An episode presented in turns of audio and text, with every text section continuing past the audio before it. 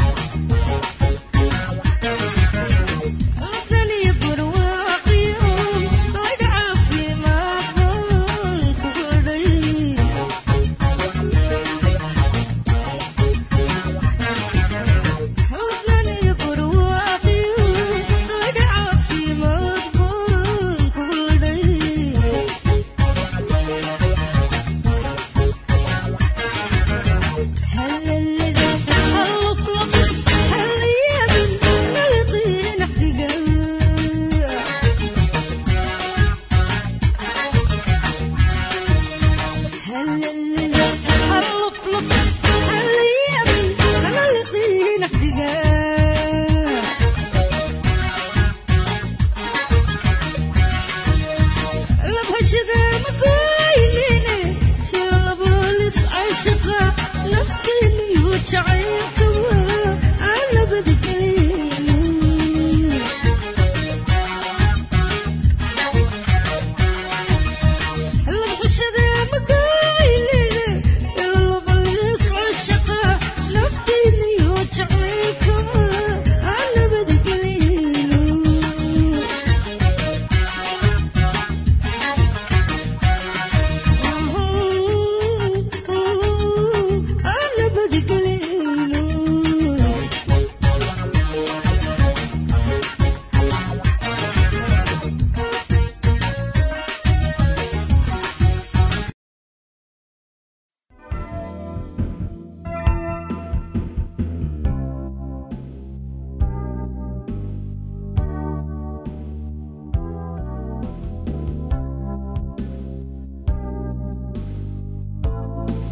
shaqooyinka oo idil iyo mas'uuliyadda.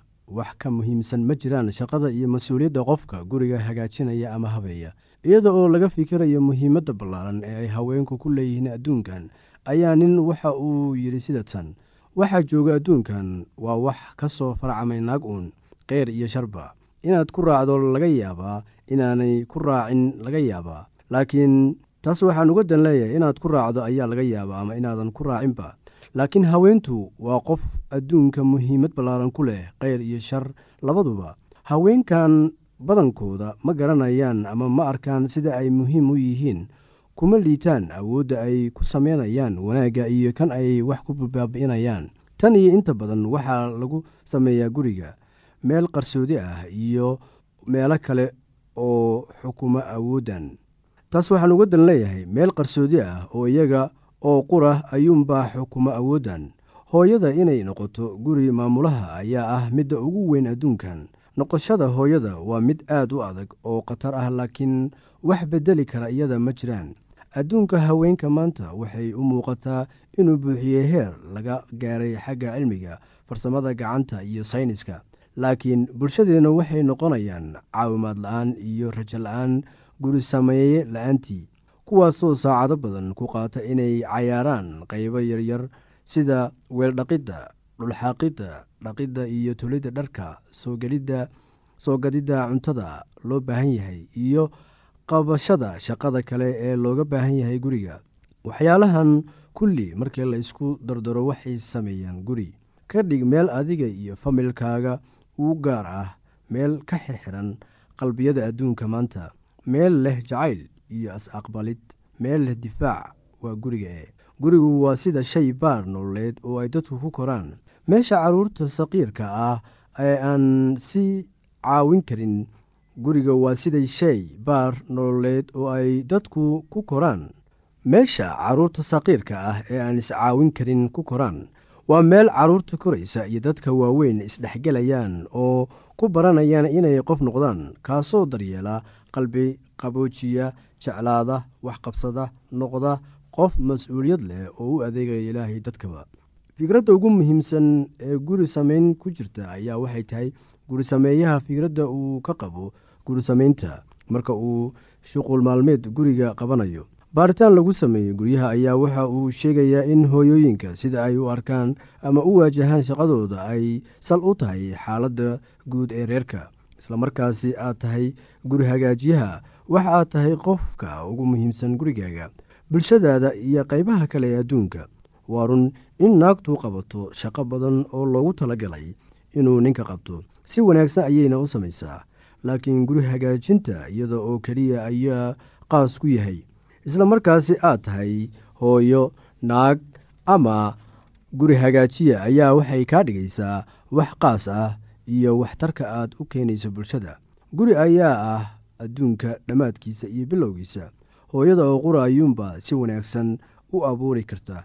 Hooyada ugu awoodda iyo xoog badan adduunka maanta ma ahan kuwa shineemooyinka iyo riwaayadaha jila laakiin waa kuwa bulshadooda dhex jooga oo naftooda u horay horumarka dadkooda iyo mas'uuliyadda hooyanimo oo caawiya nimankooda. Waxay u baahan tahay dadaal daacad ah daryeelayn isdhibid iyo is-edbin si aad u noqotid guri hagaajiye weyn. Inaad gacan ka geysato koriinka wiil iyo gabar barbaaraya oo noloshooda isaga raaxaysanaya oo waddani sax ah oo laga doonayo iyaga oo laftooda inay aaqirka guryo dhistaan. Oo ay waddada ilaah qaadaan ayaa ah shaqo culus oo laga doonayo qofka guriga hagaajiyaha ah. Waa run oo waxaa dhici karta inaad gacan ku leedahay shaqo kale laakiin aad fursadda u horaysi aad siiso guriga hagaajinta u adeegidda ninkaaga saaxiibadiisa iyo dhaqaalaynta carruurtaada markaa kadib ayaad fursadaha kala siin kartaa shaqooyinka kale. Marka hooyada guriga sameeyaha ay joogto iyadoo jecel inay carruurteeda wax la qaybsato dhegaysato oo daryeesho carruurta waxay ku raaxaysanayaan imaanshaha guriga oo xitaa saaxiibadooda keenaya. Dadka aala waxaa u qabtaa sida caadiga ah oo ay iyagu goostaan waa inay aqbalaan xadidaad ku yimaada dhaqdhaqaaqooda. Taas waxaan uga dan leeyahay xadidka ku yimaada dhaqdhaqaaqooda.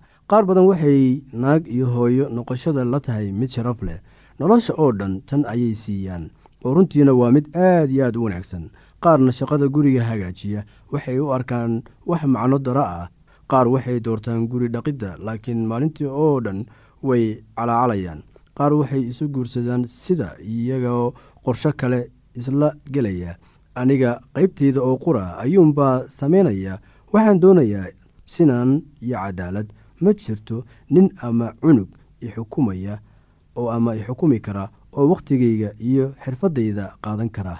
Hase yeeshee qaar waxay guurka iyo waalidnimada u aqbalaan sida axdi la xidhiira jacaylka uma aqbalaan sida wax qasab ku ah inay sameeyaan jacaylka waxa uu si xoog leh u saameeyaa waxa ay gacantu awooddo inay samayso.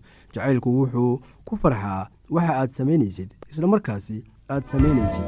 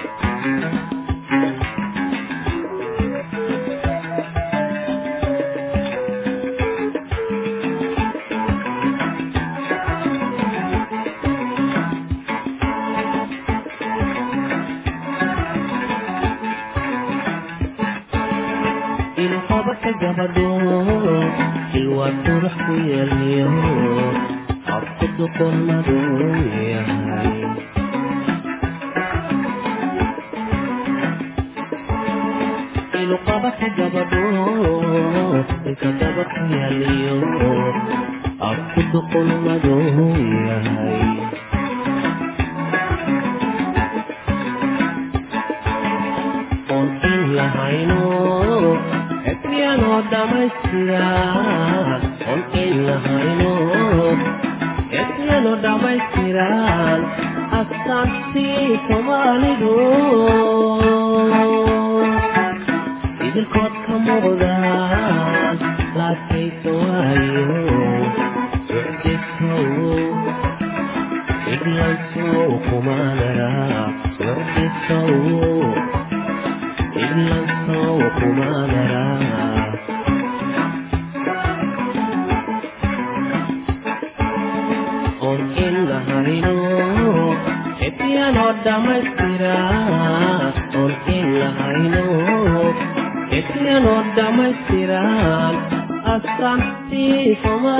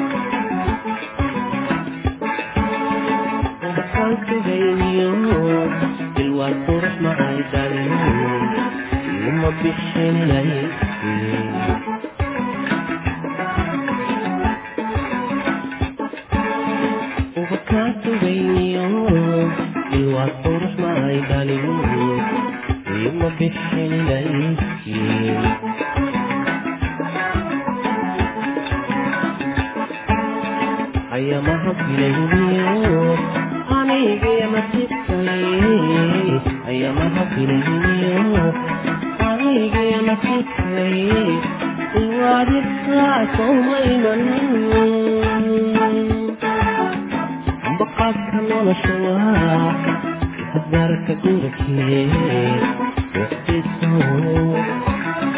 idlanso kumaanara soo kumaanara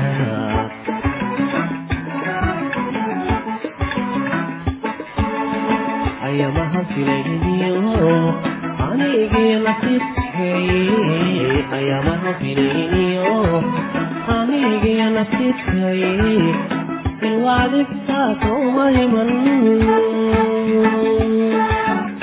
ambaqaadka nolosha waa isafaraka gurikee waqtisow iglasow kumaanara waqtisow landasow kumaanara soo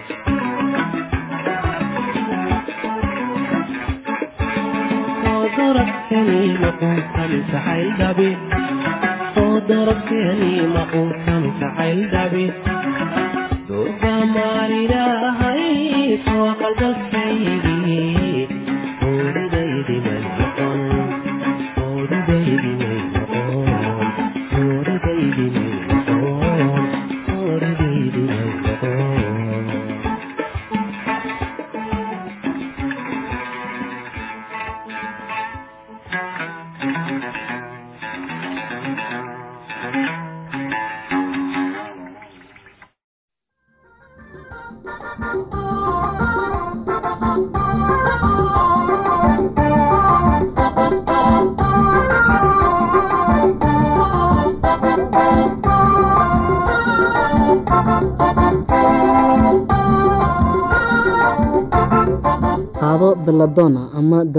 muruqa isdabcisa sida xanuunka u yaraado.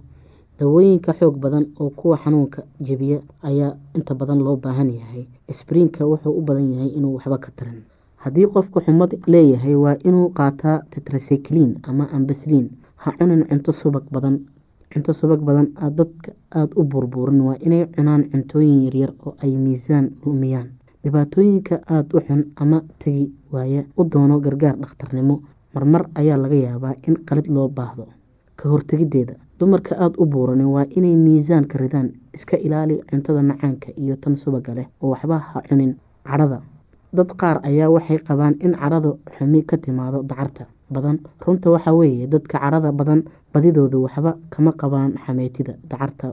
Waa caadi hase ahaatee dadka cudurka xameytida hayaa haddii ay goor haddii had iyo goor baqdin ay ku nool yahay ay ka baqayaan in xanuun xumi ku soo noqdo sidan daraadeed way cadho dhow yihiin ama goor walba waxay ka warwaraan caafimaadkooda. Geerida oo la ogolaado sida qaalibka ahi dadka da-da si ka weyn sida dadka loo jecel yahay ayay ugu diyaar yihiin inay ogolaadaan geerida ku soo socota inta badan. Waxaynu isku daynaa inaynu qofka noloshiisa dheereyno inta aan kari karno. Wax kasta ha nagu qaadato marmar dhibaatadii haysay qofka iyo reerkiisa way sii kordhisaa marmar badan ayaa jira oo sida u raxmada badan ee aanay ahayn in labadii doono dhakhtar in la baadi doono dhakhtar ama dawada ugu wanaagsan ee ay tahay in lala joogo ee la taageero qofka dhimanaya. Xusuusii inaad ku faraxsan tahay waqtigii wanaagii iyo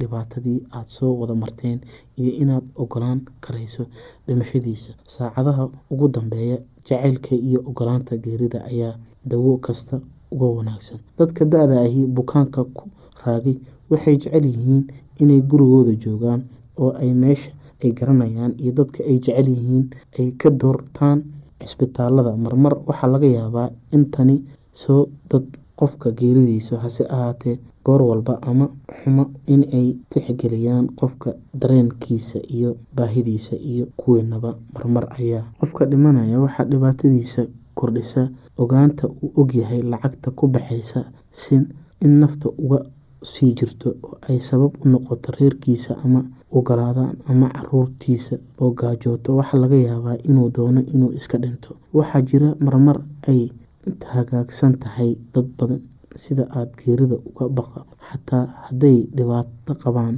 dunida ay yaqaaniin ma jecla in ay ka tagaan dhaqan kasta ama dhismaha dhimashada. Waxbuu ka haystaa iyadoo nolosha ka dambeysa dhimashada. Diinta ay laga yaabaa inay qofka raaxo siiso marka ay geerida qofka ku soo dhowdahay. Geerida qofka kadisay ugu iman kartaa waa in badan ayaa la sugaa sida oo ugu diyaar inay qofku uu aada u jecel yahay geeridiisa soo socota oo arrin howl yar ma aha. Inta badan waxa uu qabaa wuxuu qaban karaa waa taageero ama raxmad garasho ayuu diyaar u ahaada geerida qofka yar ama carruurta weligeed ma howl yara. Raxmadda iyo daacadnimada waa lagama maarmaan dhageystayaasheena qiimaha iyo qadarinta lahu waxaa halkan noogu dhammaaday barnaamijkii caafimaadka. Waa shiina oo idin leh caafimaad wacan